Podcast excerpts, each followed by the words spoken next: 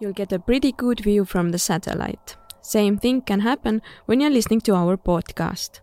Practitioners with thorough knowledge, internationally recognized experts together with passionate specialists can take you to new heights. Our aim is to make you ask the right questions and be curious. Self development is more of a lifelong learning than a sprint. This show is hosted by business journalist Siiri Liiva. What are the key challenges that sustainable and digital transformation face all around the world and in Estonia particular?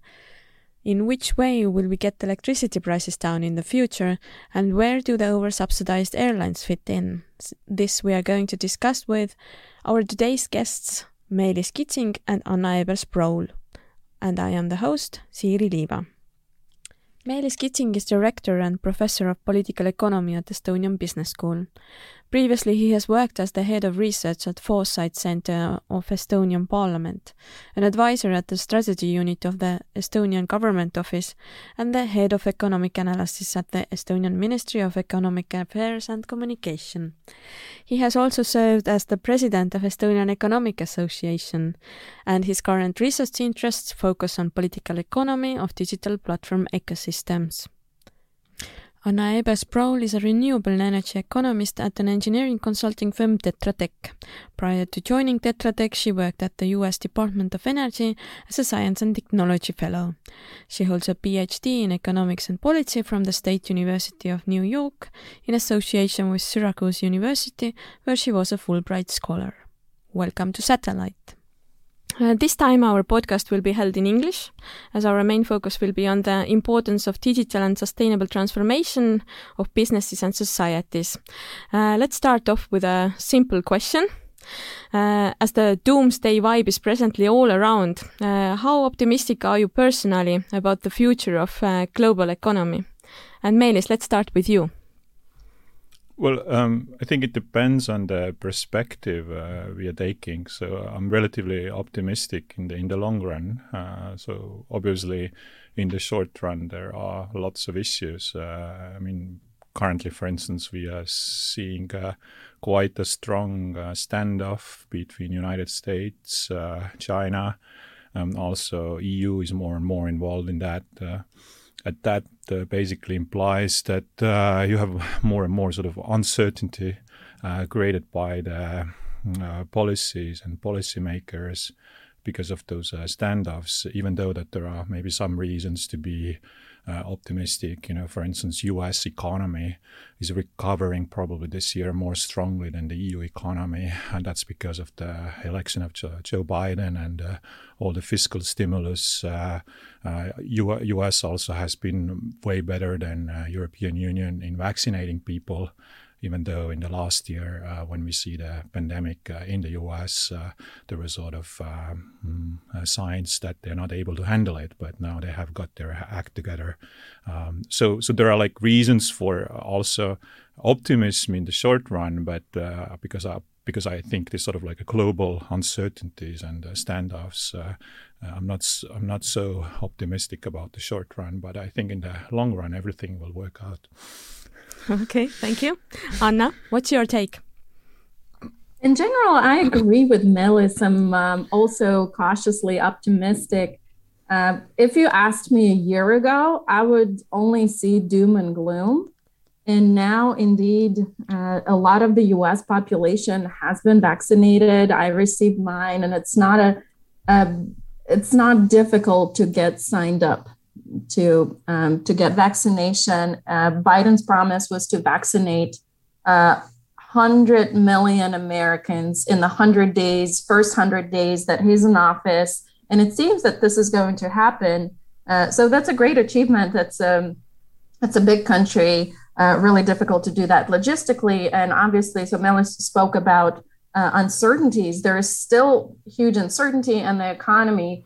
Uh, there was a stimulus. However, I don't think we have had a consumption problem.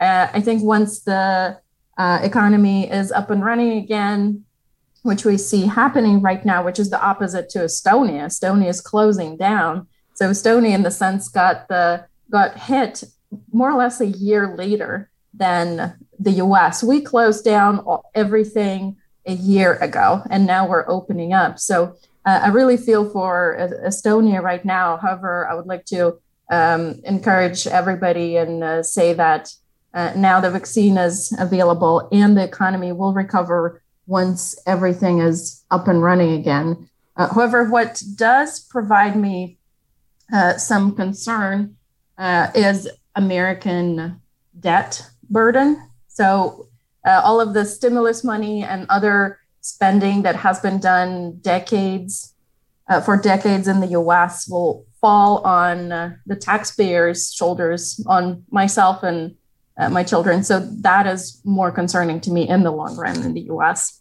Yeah, I mean the debt is obviously also a huge concern here in uh, Europe. So because uh, um, even here in Estonia, where we used to be very proud of uh, our low debt to GDP ratio, something like 10% most of the time, now we have seen sort of rapid increases in uh, in debt. Obviously, it's nothing in comparison with the EU average or eurozone average. Uh, we are sort of maybe closer now to Luxembourg. That was also one of the most prudent uh, spenders um, in the in the um, in the EU.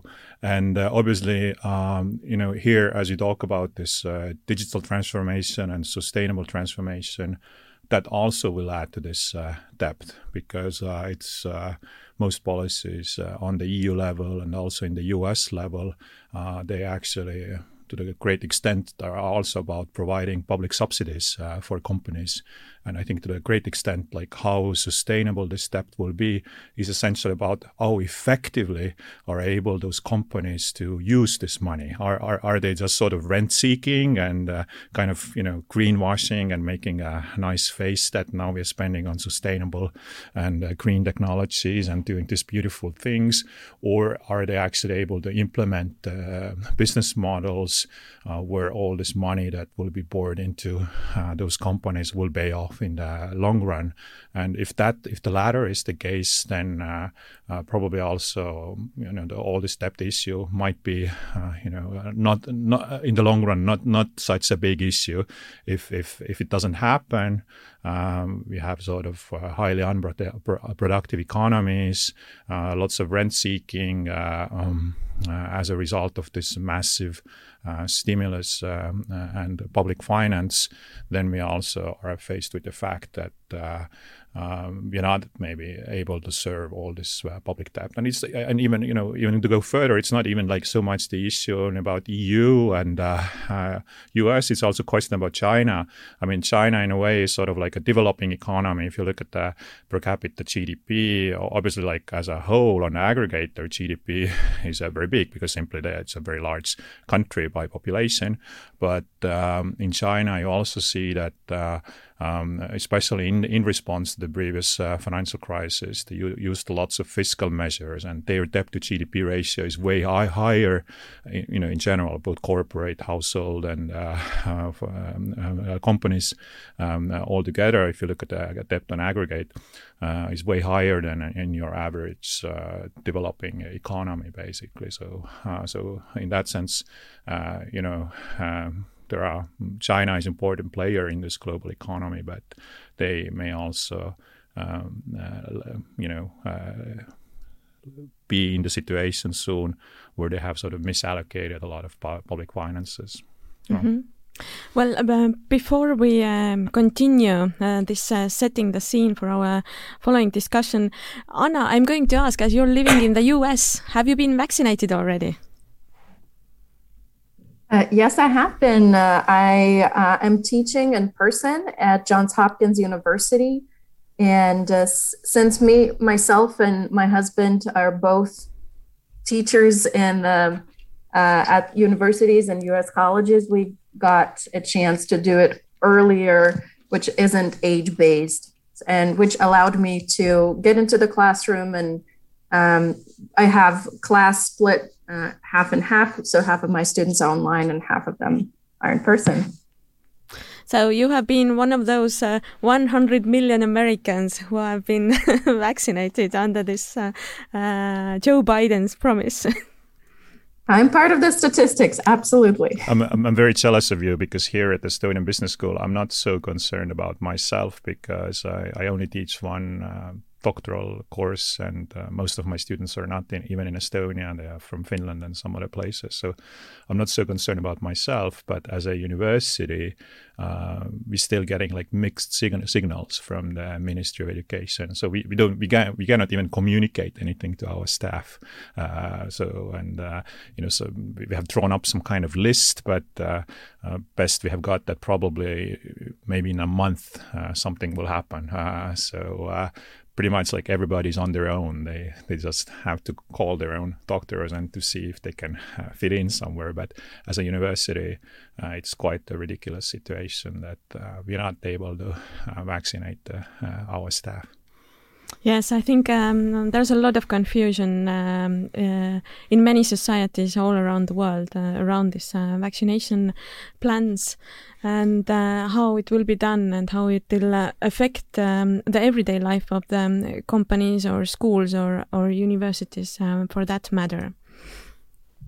But uh, coming back to the topic in hand, um, I understand, uh, Meelis and Anna, that uh, you have done pretty extensive work last year uh, in proposing the future scenarios uh, uh, for the um, Foresight Center of um, Estonian Parliament. And um, before going to those uh, future scenarios, um, um, I'm I'm going to ask that what are the like megatrends that we have to take into account uh, when looking into the future? And um, what are the power shifts that we have to pay a special uh, attention to? And Meelis, maybe we will start with you.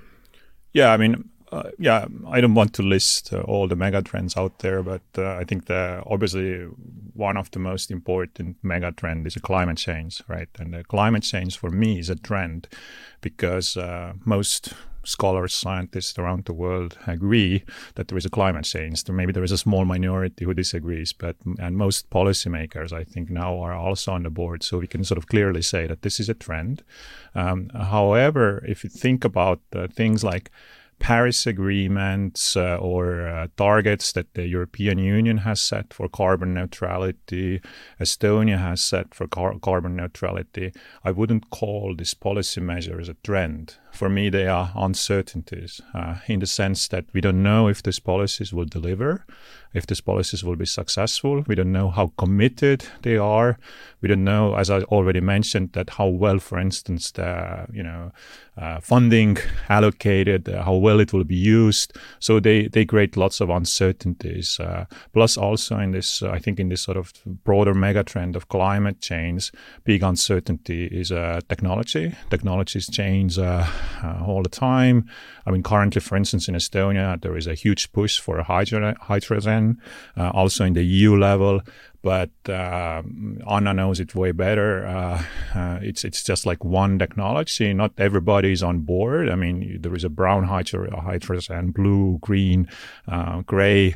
Uh, there are very different uh, technologies behind that, and I don't think like even some of the big businesses that are supposed to make this change happen, that they are really ready for that. And maybe some of them say that they are ready because they want to benefit from those funding funding allocation, but doesn't necessarily mean that uh, their adoption of new technology will be always successful. I mean, there are always uncertainties around that, especially in the long run.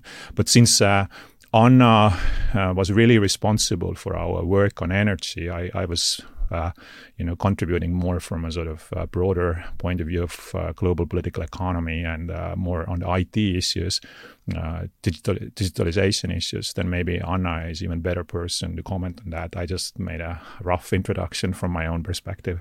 yeah, please. You're way too kind, Meelis. Thank you so much. So uh, I totally agree with you that climate change uh, is probably one of the defining megatrends of this century. And um, I will pre- uh, preface uh, what I say with uh, a big finding from scenario analysis that we did. Uh, it shows that most of the scenarios developed uh, out there uh, do not allow us to meet our Paris targets. So there were only a few very, very ambitious scenarios that integrate technologies that are not even on the market. So Meelis named uh, hydrogen and different kinds of hydrogen. uh, these scenarios go way uh, beyond this and, in, and integrate large scale carbon capture and storage and small modular nuclear and all of the technologies are, that are still in the lab. So I wanted to um, just put it out there that if we indeed uh, get to be carbon neutral by 2050, how much work needs to be done. And I am in the field, I'm observing all of these technologies coming and going, some of them failing, some of them being successful. And uh, uh, it's very clear to me the amount of investment that is going to go into um, these uh, new technology into r&d so Meelis spoke about misallocation of funds and rent seeking i think the government and uh, enterprises will have to um, live with the fact that there will be a lot of investment that might not bear fruit, but some of it will uh, be probably explosive uh, with explosive success. And hopefully, there will be a technology, and I'm a technology optimist. You will learn that about me. Uh, I think there are several technologies already on the market that have this huge potential, and one of them is uh, probably hydrogen, and the second one is uh, AI and machine learning that will make every single process, every business process uh, cheaper. And I'm not at all concerned about our employment. Um, if, if we go back in history, such switches have uh, uh, have occurred before. We have switched from whale oil to electricity to gas and coal and, and other fossil fuels. And now we're switching to zero marginal cost renewables, which is really awesome because uh, on average, this will mean that our um, electricity prices are likely to go down. So a lot of uh, a lot of analysis has been done on this. Uh, however, I haven't seen a, strong claims that will say that with increase of uh, renewables in the electricity mix, uh, there is strong evidence that uh, the electricity prices go up. Actually, uh, the opposite is bound to happen.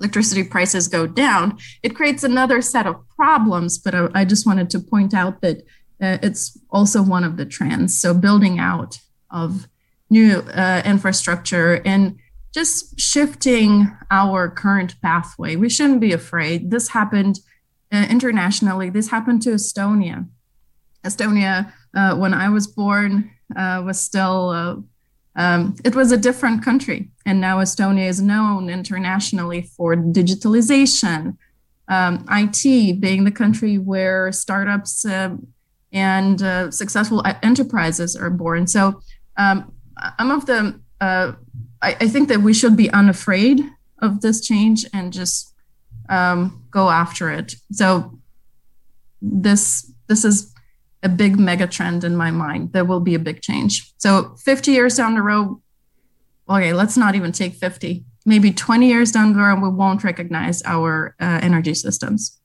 Okay, I will come back to the energy system uh, or the possible changes there uh, later on, uh, but um, let's uh, let's look at the um, um, the four scenarios, uh, the future scenarios that you proposed uh, in that report um, for the Foresight Center of Estonian Parliament. So um, there are four scenarios for the next 15 years. Um, uh, what are these scenarios and uh, what are their main characteristics and which are the implications uh, to Estonia? Okay, um, that would be uh, on its own a really uh, long talk. I mean, um, Just to briefly yeah, yeah yes, um, uh, and I understand you're asking about the sort of more general, general encompassing exa scenarios exactly. rather than specific energy scenarios. That, yes. Um, and uh, yes, uh, we basically in this sort of scenario planning exercise, uh, you're working with two key uncertainties that we also usually call uh, key drivers. And uh, we sort of tried to think about it from the perspective of Estonia rather than globally. And uh, we basically, it was uh, I, Anna, a bunch of uh, other experts like Peeter Lõhmus from IMF and uh, people from top Estonian universities and uh, and and so on. Uh, we basically settled on one of the key variables as EU cooperation. So so the bottom line here, as we also talk about digital and sustainable transformation and this sort of standoff also that we have in a global economy, if EU EU is not uh, strong in its cooperation, then it's also not sort of a viable partner uh, for other big players such as US, uh, particularly if you need to balance the rise of China and so on. Plus, also from the Estonian perspective, we have seen that uh, we have actually received uh, in the last uh, decades quite a lot of EU funding in the key infrastructure, um, and the EU is a really important player here. And the second variable that we sort of settled on was infrastructure that whether it will advance or it will be more backward. And here we don't mean only infrastructure in terms of roads, but we also mean digital infrastructure, energy infrastructure, and so on and um, and that's uh, really essential. And it also includes, I mean, uh, you know, infrastructure in many ways is about technology. It's also about uh, R and D, but it's also about uh, uh, social uh, attitudes. Because if you have very rapid technological developments, then certain group of people in a society may start feeling this sort of technological anxiety that they don't want to, you know, be part of this sort of rush, and or they feel that you know their view is destroyed because of wind energy, or or or in my backyard. yeah, exactly, not in my backyard. And so it's it's, it's a really broad uh, category. And then we played around with those key drivers, and you, you get four scenarios. One was a Compass Europe. You have a strong EU cooperation and uh, investments in the right place, and uh, and um, uh, EU is also investing heavily in infrastructure. Uh, so you know, sort of, and that that would also sort of increase the role of EU in uh, around the globe, make it also a stronger partner to the US, uh, but it would also benefit countries uh, like Estonia. Uh, then we had a scenario uh, which was called uh, anchored Europe, uh, yes, there is a EU cooperation, but it's not so much about developing new infrastructure, but rather, you know, kind of uh, helping uh, those who are falling behind uh, along, uh, more like about social Europe, uh, and it also is a more protectionist vis-a-vis the rest of the world, and um, there are not sufficient investments in infrastructure, and that makes EU less competitive. It's more, much more difficult to do the energy transformation, digital transformation, to develop business models and, and companies. And then we played around with scenarios. In one scenario, uh, we had both uh, the infrastructure was um, uh, uh, backward and the cooperation of the EU was weak.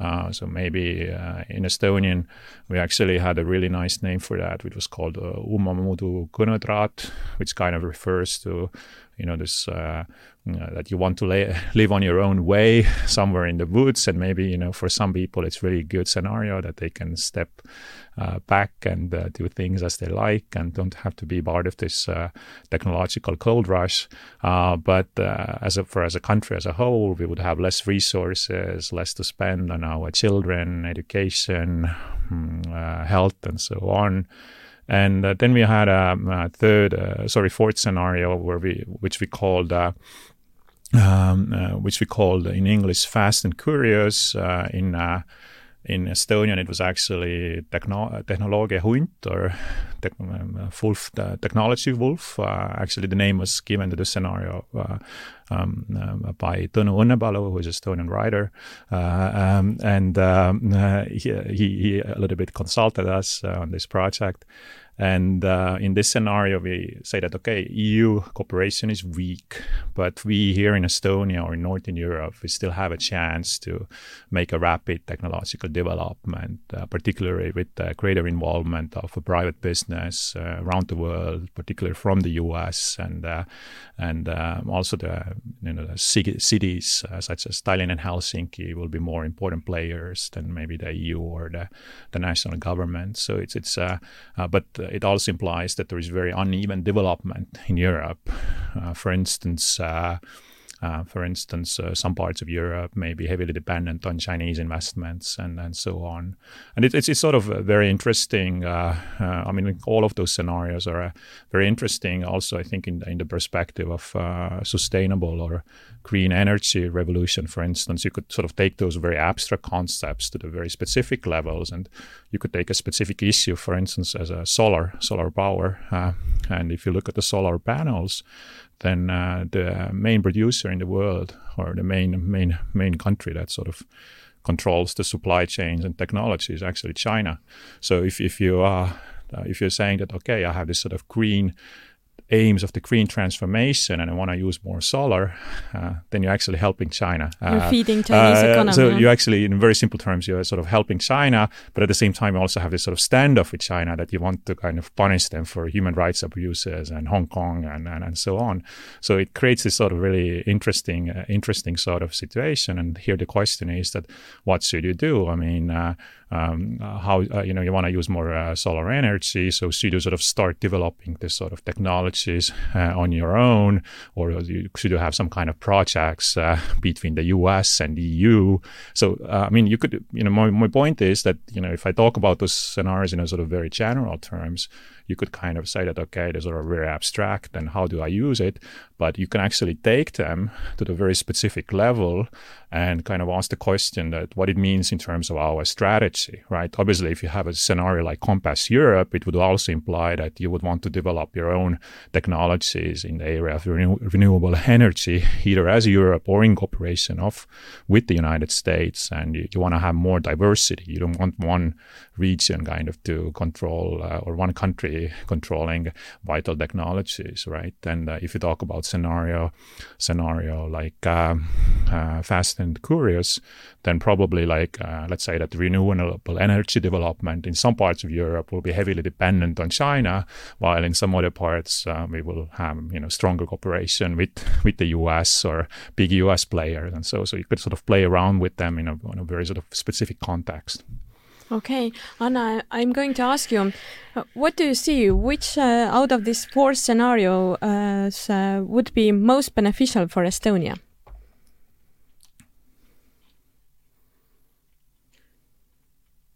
I think that Estonia would do um, well on its own. We can always go back into the woods. Uh, however, uh, as an economist, uh, I'm in favor of uh, increased international trade and collaboration. I see a lot of uh, good outcomes there. Um, and of course, strong energy and public infrastructure investment is also very important. That's why um, I really applaud the Three Seas initiative that has been spearheaded by our president, um, Kaljulaid. She actually came to Washington, D.C. last year, just uh, before um, the U.S. was shut down for uh, countrywide quarantine, so to say. Um, so that is important to collaborate and pool the money in order to be able to finance these large infrastructure projects. Because uh, Estonia, as we know, uh, by its size, might not uh, be able to even source uh, these kind of funds on its own. So having a supranational uh, entity is definitely helpful. Uh, with respect to some of the points that Meelis raised, very well said. Um, just recently, uh, I've discussed that topic, uh, development of solar uh, inter- in international terms. I would like to the listeners to hear that story about uh, R&D actually on, in solar was heavily subsidized by German taxpayers. Uh, say in 2000, starting from 2004, uh, EEG law that uh, Germans have passed, which um, subsidized uh, use of solar. They've also invested greatly in R&D. So what happened? Uh, they had their Germans had their very vibrant production industry which after year after year after year started wandering out to China.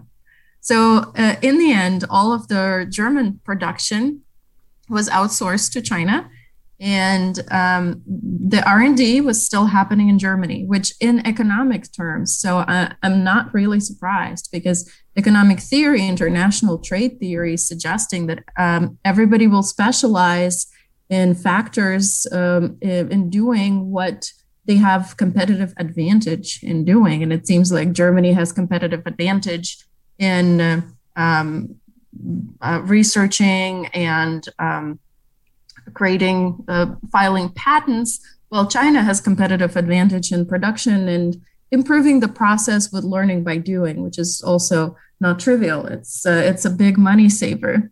So now we uh, are facing the challenge that Meelis mentioned not only their their potential human rights abuses in China, and we are cross subsidizing this. And we, I mean, the Europeans and also the US, most of the solar panels in the US also come from China.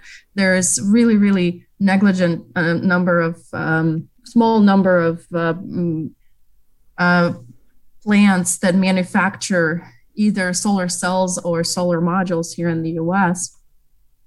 Um, but it's also the method of production that is used in China. So, as a prosumer myself, I do have solar panels on, on my house. Uh, I hate to think that my solar panels were perhaps produced uh, with the use of coal or other uh, non renewable power. And there is no way for me to track that as a consumer. So, I think in the future, what will happen once we adopt the circular economy ideas uh, we will be able to track our uh, products much better. And this goes uh, to lithium uh, car bath batteries, to our solar panels that we might be using. Um, so it already it's not a novel idea. It's already implemented for all paper products or those that want to be certified. Um, there is a mark that knows that that um, signals to the consumer that this is sustainably sourced. The same thing about fisheries. You can you in the U.S. and I'm sure in Europe there is also an equivalent of that. You uh, see a stamp on the product, which means it's a sustainable product. I want to see similar stamps on the on big um, consumer products like fridges or uh, or cars or solar panels to know that they're indeed sustainably sourced and in this way, we're not solving human rights issue. However, sustainably sourced can also mean the labor has been compensated accordingly. Now we have uh, slid back to um, energy issues basically, and uh, as uh, Meelis already mentioned, uh, Anna, you were more focused on the energy part of that uh, report, and you also, besides these uh, general scenarios, you also proposed uh, um, scenarios for energy sector. We are not going to go in depth with those scenarios, um, but let's talk about um, those assumptions that you made uh, you already touched upon uh, the trends in energy sector, but is there something that uh, you would like to emphasize in addition? Mm-hmm. So, when I was reviewing scenarios, it became really clear to me that there are similar assumptions that are made in all of them. So, there are assumptions about population growth, about economic growth, about the rate of change uh, in technology. So, are we talking about abrupt new technologies coming to the market or more marginal changes as a result of, say, learning by doing. And then one of them I wanted to specifically recognize, and I'm really happy, Siiri, that you asked this question, is um, energy intensity per GDP unit of output. This is a, a tricky term, which means how much energy are you spending in order to um, create one unit of uh, economic well-being, which is one unit of GDP, as measured, say, in, in, in dollars or euro. Um, so there were also different assumptions in the scenarios. However, it looks like everybody's assuming it's going down. So there were, I don't recall even a single scenario that was say that we're going to go, uh, we're going to still keep consuming more energy per unit of GDP, which is excellent news, which means we can make people uh, wealthier. And wealthy often means healthy. So we make people healthier and wealthier by uh, consuming uh, less uh, energy per unit of this goodness, health, and wealth. So uh, to me, that was uh, definitely um, good news. And it also means that we are, as um, globally as uh, um, not only the US, but the rest of the world too, we're moving further and further down uh, service economy. So, for example, I'm always um, giving this example that uh, if a massage costs $50 or a widget that you can uh, uh, give as a present to a loved one cost $50 i always give a massage first of all it's it's a fun pleasant experience but Second of all, there's literally the carbon footprint of having this versus having a widget or um, more material, material, the present that used some materials and energy inputs, um, in the sense that we are, as consumers, also greening our economy, but ev- by every single choice that we're making. Of course, um, industry has a big impact. And Meelis mentioned that uh, there's rent seeking in the society that I also see as a big problem. Um, however, there are some industries that I feel that need to be called out on some of, some of the rent seeking that is going on, and one of the big ones uh, is um, airlines. So, if you look at fossil fuel subsidies that have been handed out during the corona uh, coronavirus times, the biggest subsidized um, industry is um, airlines, and we're subsidizing the sense of very fossil fuel intensive industry. And I'm sure they're aware of that and they're working on this. And now the big push is to find clean jet fuels, which is a huge, huge uh, technological problem. So we can't blend. We, we I don't think biofuels will be uh, an answer. I think we will have to somehow perhaps electrify our fleet. But uh, again, this at the moment it's like on the top of my um, technological uh, to follow list because this industry really needs to decarbonize and real fast because we the, as taxpayers we can't keep bailing it out. We can't keep uh, putting money into the industry. And not, not even talking the us taxpayers internationally that's been happening.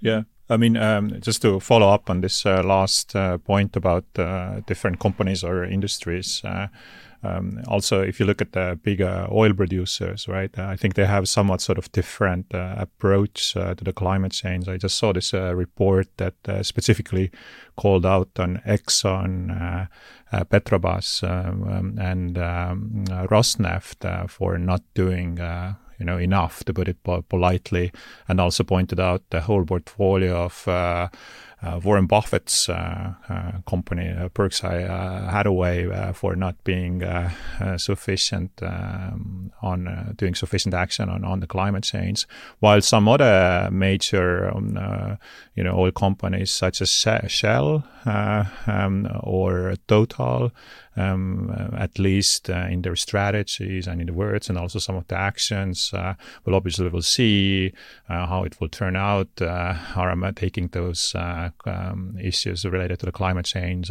much more seriously and sort of developing new technologies. And, and obviously, there is also you know some you know discussion that maybe they are Uh, doing it because they expect to get you know great subsidies from the EU and uh, uh, related to our you know uh, previous uh, debate on technology and sort of different different technologies.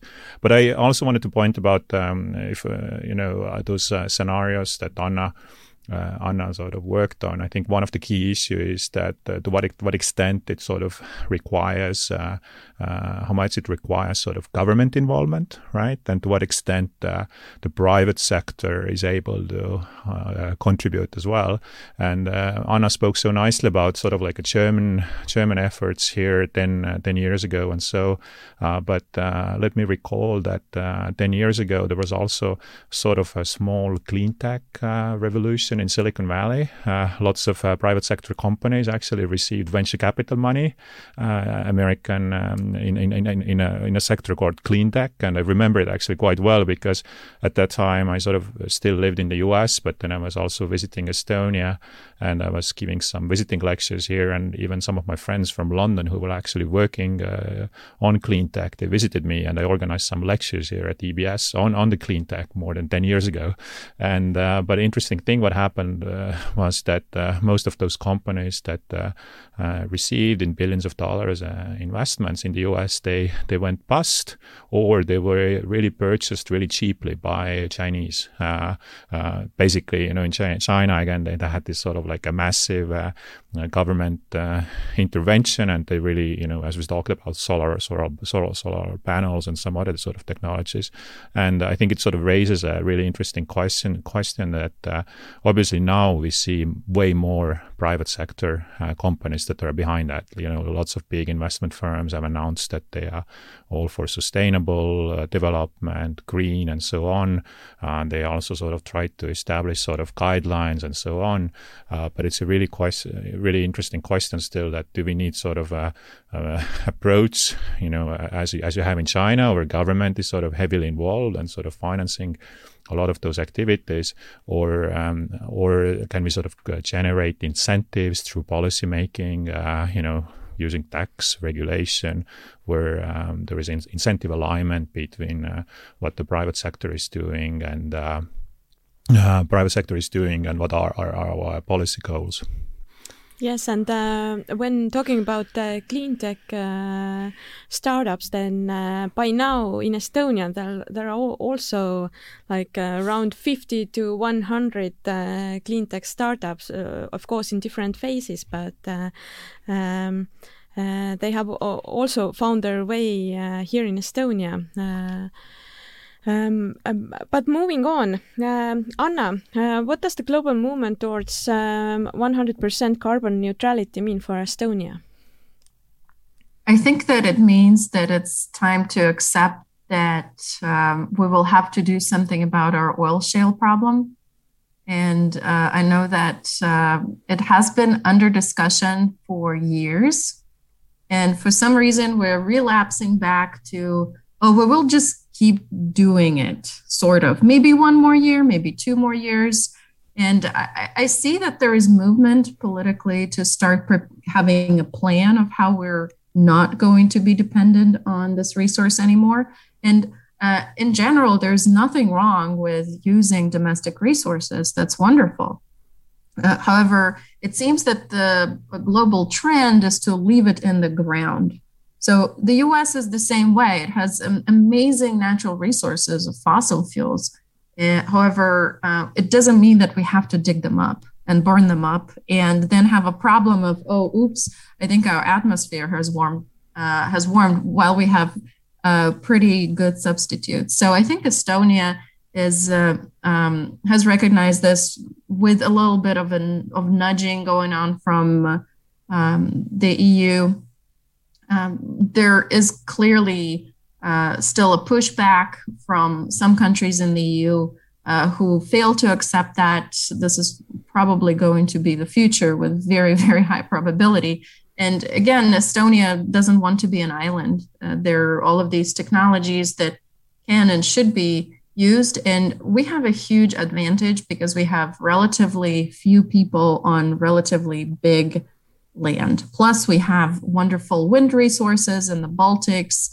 Uh, so, um, Estonia is larger than Switzerland, and Switzerland is covered with Alps. So, we do have a lot of land that helps us tremendously because our population density is low. So, this really frees us up with respect to what kind of technologies we want to try out. And uh, I'm a fan of all of the above.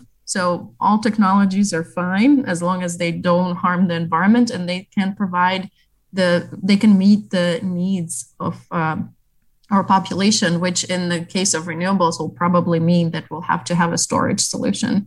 And I'm not only talking about short-term storage when it it takes care of the daily fluctuation of demand, say in the grid. I'm also talking about long-term storage, um, the diff- the temperature differences between summer and winter in Estonia are great. So we, we do want to keep our population warm.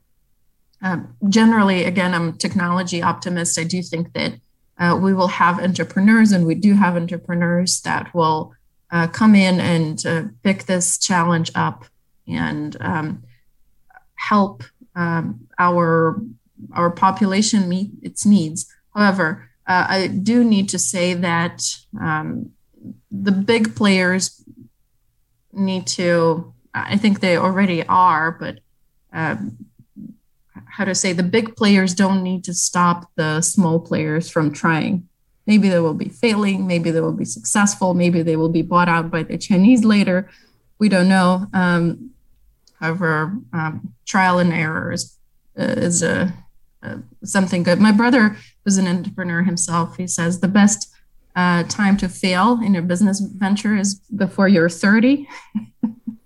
Uh, unfortunately, I'm, I'm past that uh, time to be failing, but um, I can tell if I see a wonderful market opportunity uh, to come and um, bring it to fruition, um, that's a good thing to do. Okay, thank you, Anna. Meelis, um, uh, in your opinion, uh, what are the main implications for the most northeast region of Estonia, Ida-Virumaa, that is mostly impacted by oil shale phase out? Um, yes, uh, thanks. Um, well, I mean, first, in general, if I look at the uh, debates in Estonia, then I see a lot of uh, policy level sort of uh, debates uh, about uh, setting targets and so on. And then I see quite a lot of uh, things happening on a sort of engineering level. So there are engineers at uh, Taltech, and whenever I go to those World Energy Council's meetings here in Estonia, then I hear all those sort of wonderful engineering stories. But I think uh, really where we need to think hard uh, is uh, new business models right? What are those sort of new business models? And that's great that you said before that uh, you have um, uh, already quite a lot of clean tech startups um, uh, in general in Estonia, uh, but uh, particularly now uh, in this oil shale dependent region, northeastern in Estonia. I think that's sort of the key that it's it's not just you you cannot I mean obviously you can give subsidize subsidies and you can support people and you can have sort of social insurance system and so on but you cannot go on forever. You actually need to think in terms of what are the new businesses and uh, and uh, where people find meaningful employment because it's not going to be easy. I mean if you sort of take it on a very personal level let's say uh, let's say that you take someone who works in a mining industry who's a 50 years old male uh, uh, he's very proud of what he's doing. You know, even if he's driving a truck, he's very proud because he works in a mining, and um, uh, and he gets a relatively decent salary by the Estonian standards. And for the uh, region. And for the region, right? And and it's, uh, I mean, in economics, often in some of the simple models, you make this assumption that, oh, when you lose lose jobs in one industry, then you just sort of transfer labor to the other industry. Uh, but it doesn't, ha- doesn't happen overnight. It, it will happen in the long run. I mean, if you have proper incentives, then probably like a younger people will end up in the industries that we don't you know, maybe cannot even imagine right now because uh, you know that's the, that's how the world um, looks like. But it's very difficult, I think, for the people who are not retired yet and who uh, still think that they could, you know could go on you know 10, 15, 20 years with the career uh, to tell them that well look now we are closing it down and you will be unemployed um, or I don't know you should find a job in McDonald's or uh, there is only one in Narva but uh, so it's it's not it's not kind of optimum uh, policy solution. So I think that's that's sort of the main uh, main uh, challenge. I mean because in a way yes you could I think it from the economic point of view probably it would be cheaper to just to uh, pay them rather to keep it going. Uh, but uh, I'm not sure that all those proud people will be happy to just to live in live on live on the unemployment benefits. So uh, um, so that's that's the big uh, big challenge uh, there. Mm-hmm. Anna, I see that Anna wants to say something on that. Let me also jump in here. So this problem is not unique to Estonia. so um, we have seen similar issues here in the US with coal villages. We call them um, a lot of them in West Virginia, uh, just like Meelis described. Uh, no employment opportunities in town when the um, the uh, factory or mining industry is closed. The tax base is gone, so no, no tax base to fund schools, roads, bridges, and other good infrastructure. So that is indeed a good pro- big problem. And uh, Meelis did mention that um, it is a short run to middle run challenge. And um, there is, uh, so far I've seen, there are no excellent solutions that going to solve it overnight.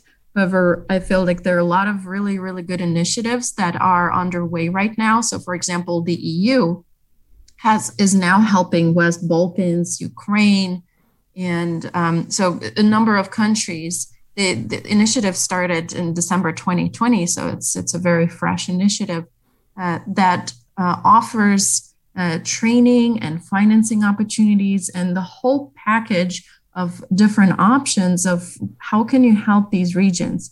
So um, this is one thing that we can help them with. Yeah, and I just wanted to follow up that it uh, also to bring it back to this sort of scenarios we did. I think in the context of this scenarios, it also means sort of uh, uh, important investments in infrastructure.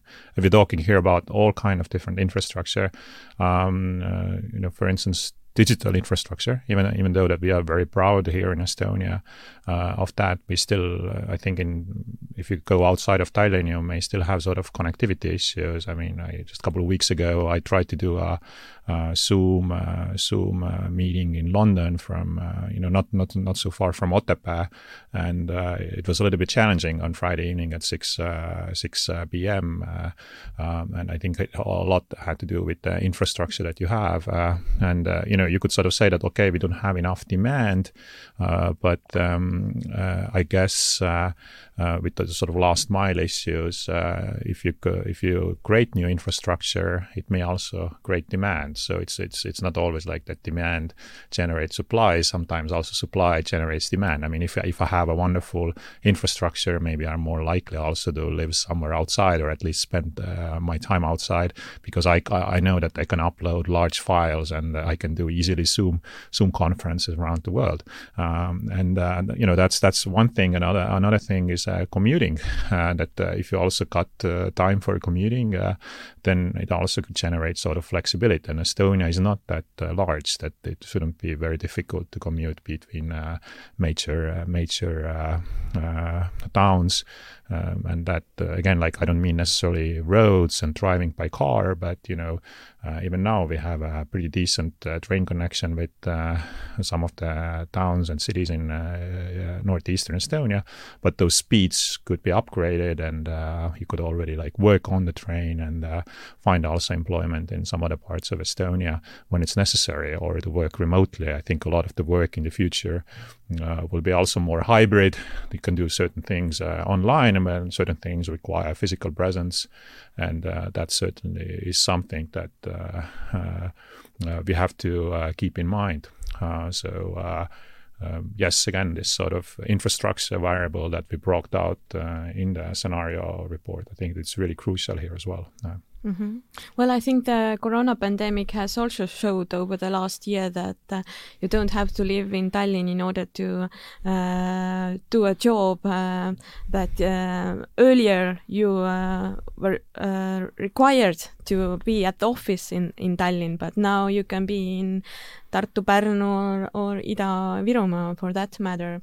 But Meelis, uh, um, um, um, thank you for um, bringing out the um, digital transformation part. What I wanted to ask um, within regard to Ida-Virumaa, uh, what do you think there uh, is the sustainable and digital transformation possible at the same time?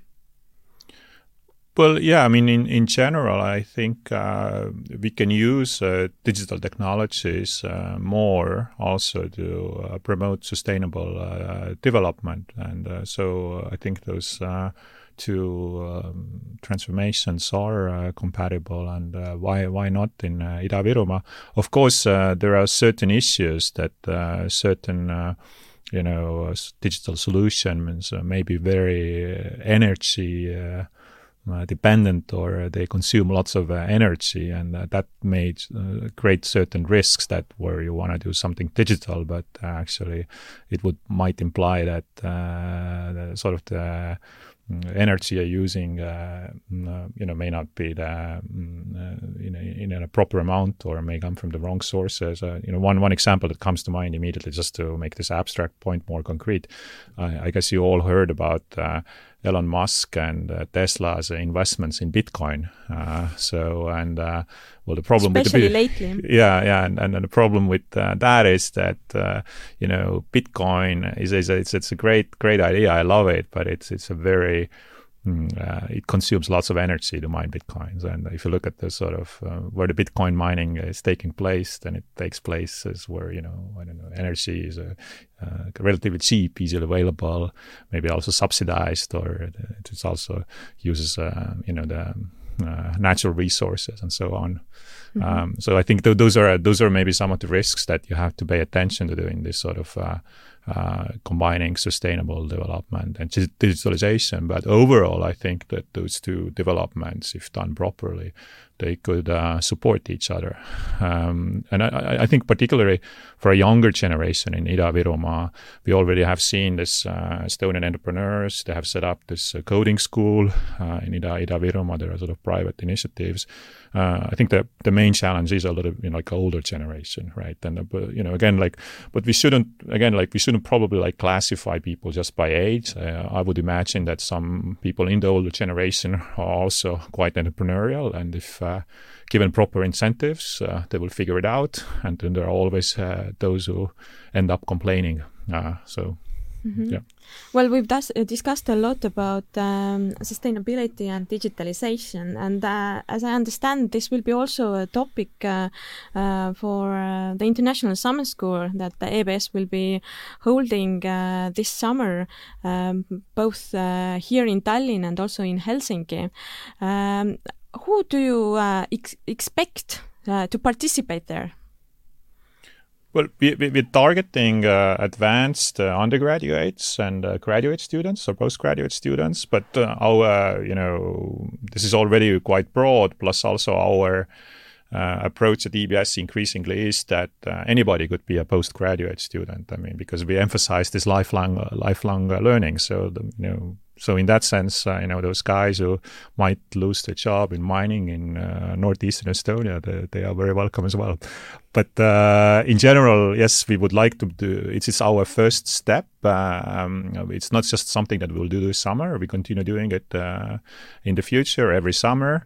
Um, um, we we want it to be international, uh, COVID permitting. Uh, so we don't know you know how the COVID situation evolves. I think when we launched it uh, in the end of last year, we were a little bit more optimistic that by summer everything will be over. But uh, now we hear those uh, scary stories. Even the prime minister says that if we don't behave properly, then Estonia will be uh, uh, closed down for the summer or something like that. Or but uh, there won't be no summer. yeah, there won't be summer. Yeah, the, the winter will come immediately after spring.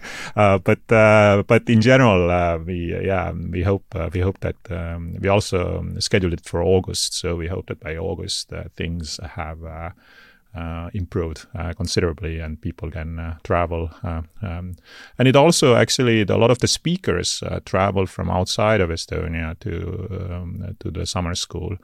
Um, from the European Commission and other organizations, so mm-hmm. so um, so it, at least we have lots of international speakers, and Anna will come as well.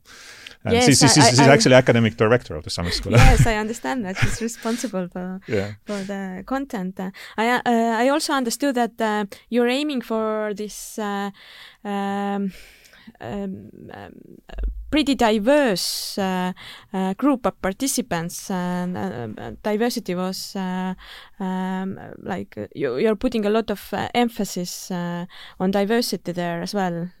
am I correct, Anna? Uh, yes, lovely. So we put emphasis on diversity, which is, as um, Meelis already mentioned, geographic diversity. We have top Estonian entrepreneurs, but also speakers from France and the UK and uh, the US. I'd like to also mention that we will have a Nobel Prize winner uh, come and speak to us. we will travel to Helsinki to uh, meet several uh, parliamentarians and entrepreneurs, visit their um, startup ecosystem. Uh, so uh, I wish somebody organized a school like this when I was studying, but unfortunately that wasn't done. Had to, had to do it ourselves.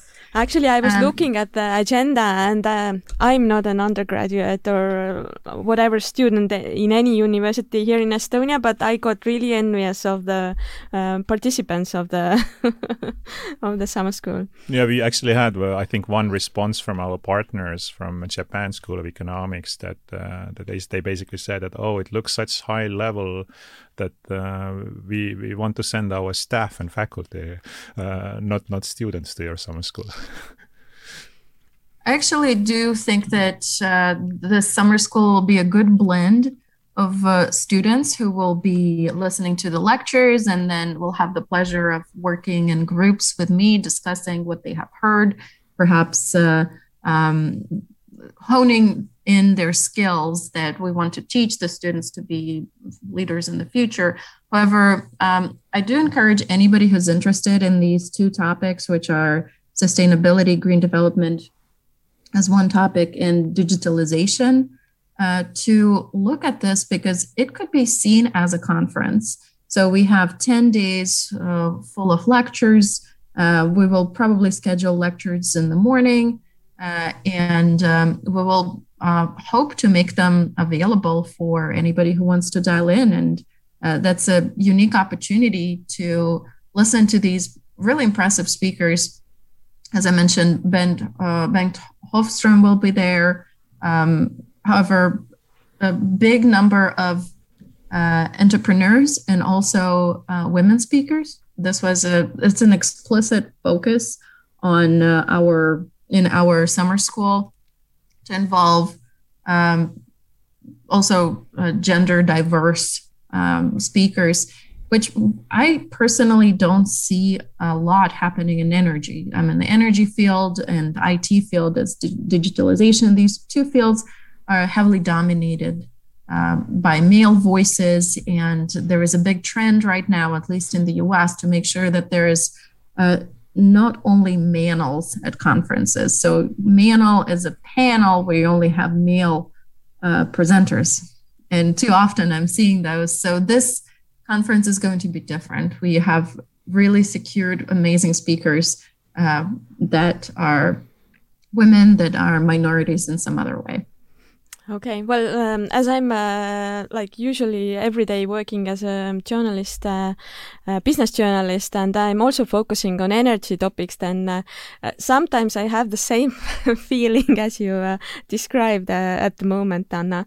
But um, I understand that for so th those who are unable to attend the summer school, Meelis, you have also a new book coming out this summer.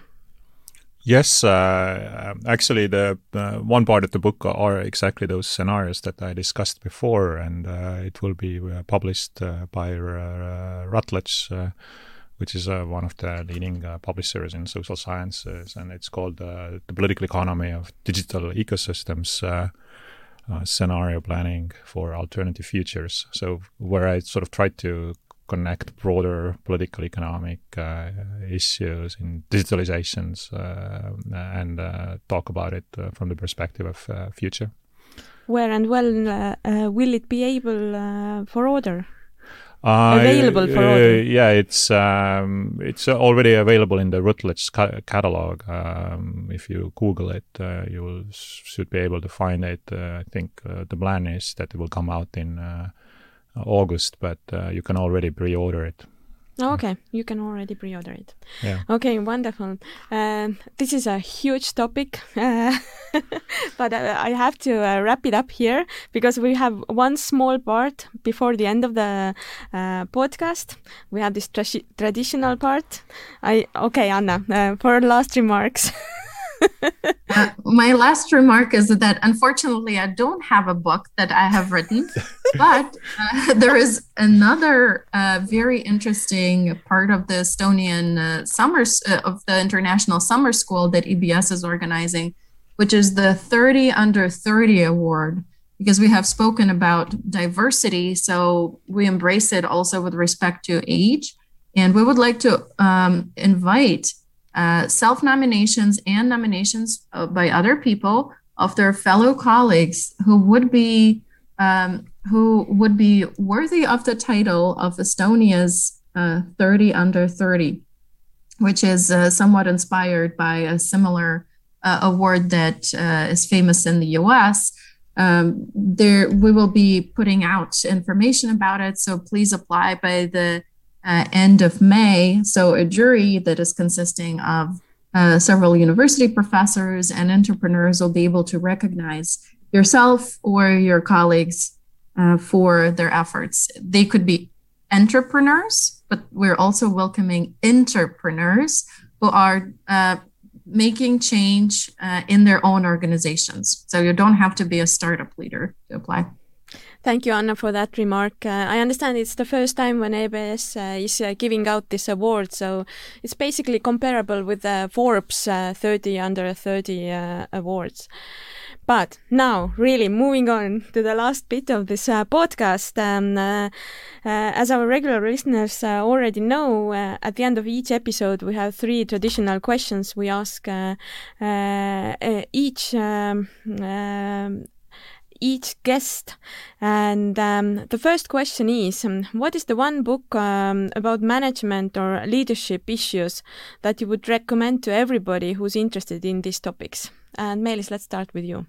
Oh, I mean, I certainly would recommend my own book. I mean, that I have, because I, I think this sort of uh, ecosystems uh, is a really uh, important uh, issue that uh, I think uh, managers should um, think in terms of uh, building ecosystems around their businesses uh, rather than and uh, looking um, other other uh, par- uh, companies as partners or who help them to find sort of complementarities uh, rather than think in terms of sort of direct competition.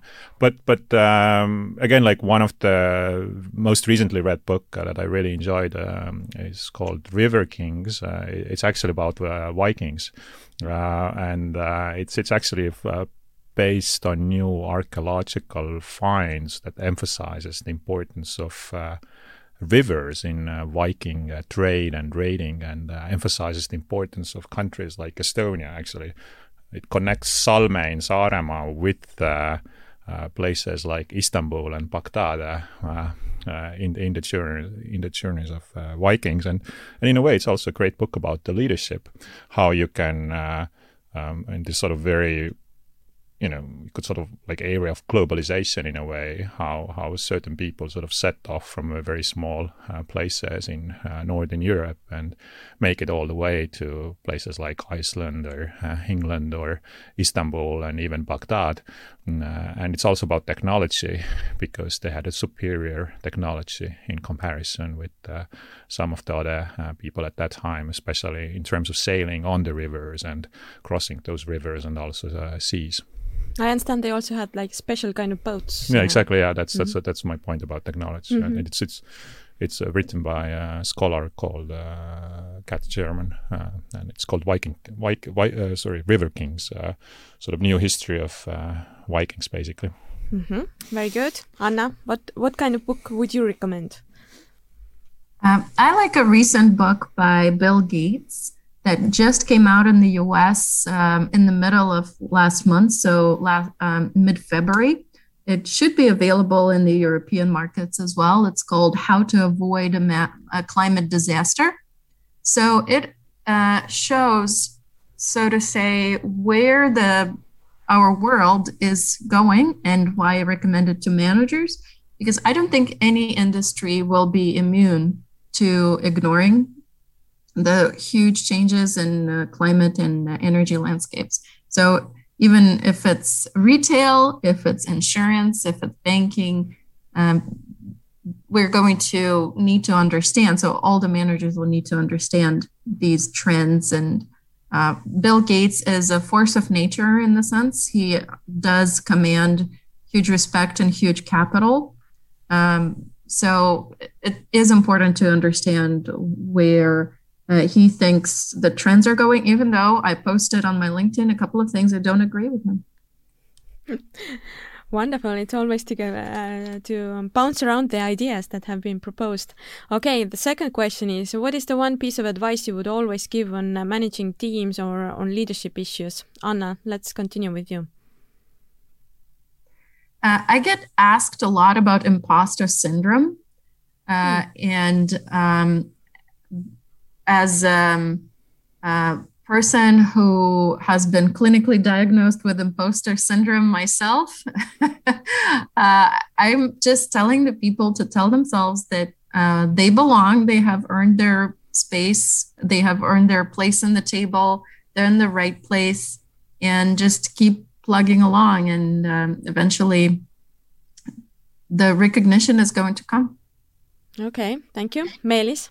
Um, I would I would say this uh, very famous uh, quote that the art of management is delegation, and I think that's uh, in many many Estonian organizations that's like one of the key issue that uh, if you want your organization to grow, uh, you have to realize that you cannot control everything. You cannot uh, be a control freak. If you manage a small team, that's feasible, but if you manage a large organization, you really have to um, learn to trust the people or hire people that you trust and let them do what they are at best uh, rather to, rather than intervene and uh, all the time. And I think that's uh, that's it seems very simple but lots of people don't get it or or even if they get it they're not able to put it into practice yeah, I think there's a lot of struggle with this uh, delegation uh, skill.